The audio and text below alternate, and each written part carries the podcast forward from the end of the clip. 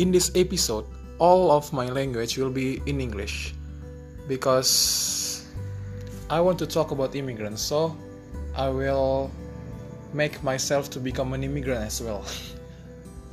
mm, in this occasion, I will tell you what impacts that immigrants could bring to flourish the world development.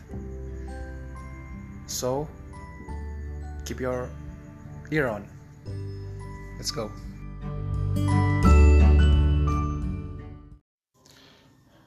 In this occasion, I will present my idea about what impact that immigrants could bring to develop a country. Immigrants is anybody lives in another country other than they were born. According to United Nations research in 2017, there were 298 billion immigrants spread all over the world, with, of course, the United States of America leading with for about 30 I'm sorry, 45.8 billion immigrants spread all over their country. Those numbers are increasing day after day. But with that massive amount of people, what could it bring to influence the world development? Let's see about it. First, economically. According to CNBC research in 2017,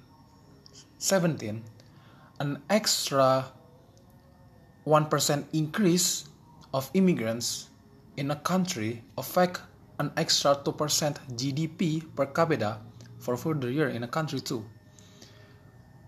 This happens because immigrant impacts productivity per worker because their skill complement the existing population. And also, a study said that an immigrants are two to three times more likely to become an entrepreneur or create an innovation or even win an Academy Awards. This could happen because becoming an immigrant is a risk. So, anyone who tends to migrate or tends to become more entrepreneurial. Next is socially. Socially, the impact of becoming an immigrant towards the development of a country could seen towards their accession of labor.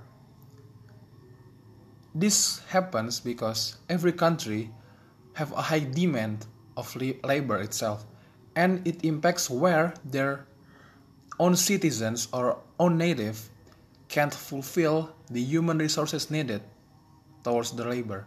In this case, the low profile immigrants could use their could use themselves to become a labor in a country. Otherwise, a high profile immigrants could bring a whole new flexibility and creativity towards the labor market operation, which favor the creation of new jobs and increase in incomes.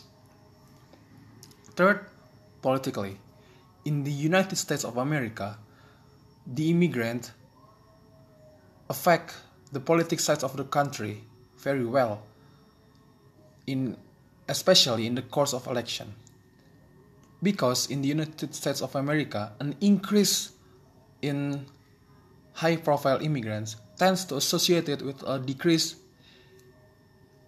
vote for the Republican Party.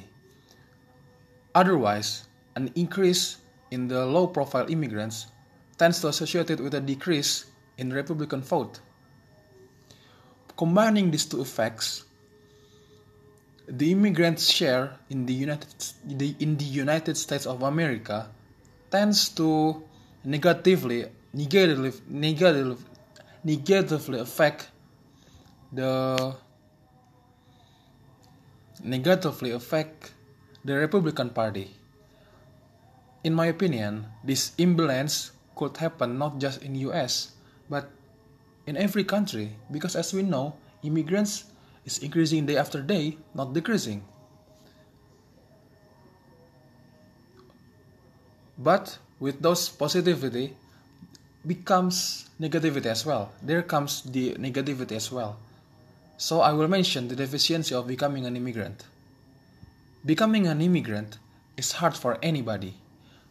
Problems such as acculturation, education, environment, or even social functionality may sometimes become a barrier for them to have a settled life in a country. And also, some immigrants face language barrier that make them hard to integrate towards the, the community of a country. This kind of problem have some kind of solution. The solution is to make a direct approaches towards education and intervention.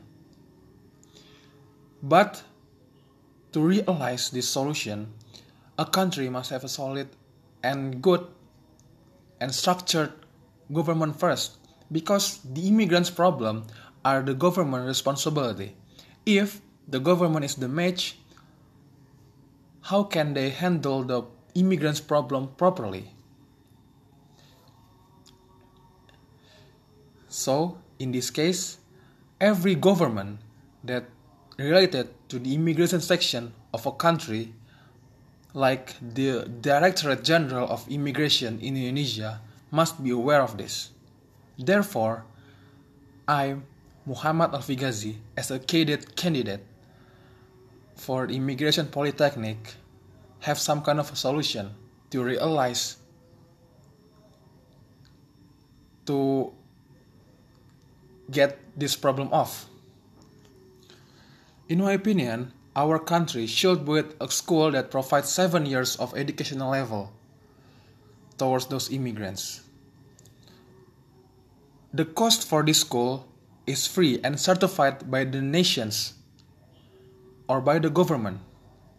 And for the prospect of working, these immigrants could use the, this school alumnus can use their diploma to enroll to any job affair or if they want to work as the government civil servant they will get their job vacancy accepted right away and put in everywhere the country wants them the government wants them to be. But to get to this goal these immigrants must pass the qualification first. Like must pass the test that the government made for them and must stay in Indonesia at least until their school finish or they must change their nationality to Indonesians first then they can go to school then they can study there. And I hope and I hope this school targeting the low profile immigrants because they more need for this. They they are needable. And this kind of solution could make our perception about immigrants increase and also this kind of solution can improve the quality of the Indonesia citizens especially these immigrants. Also this kind of solution can be a breakthrough way for every country to copy us Indonesia. Because as we know Indonesia are rare to get copied by another country because this is an innovation for immigrants to have a good life in a country Indonesia should be one of them thank you for your attention. I think that's enough, and I hope you enjoy my English. Thank you.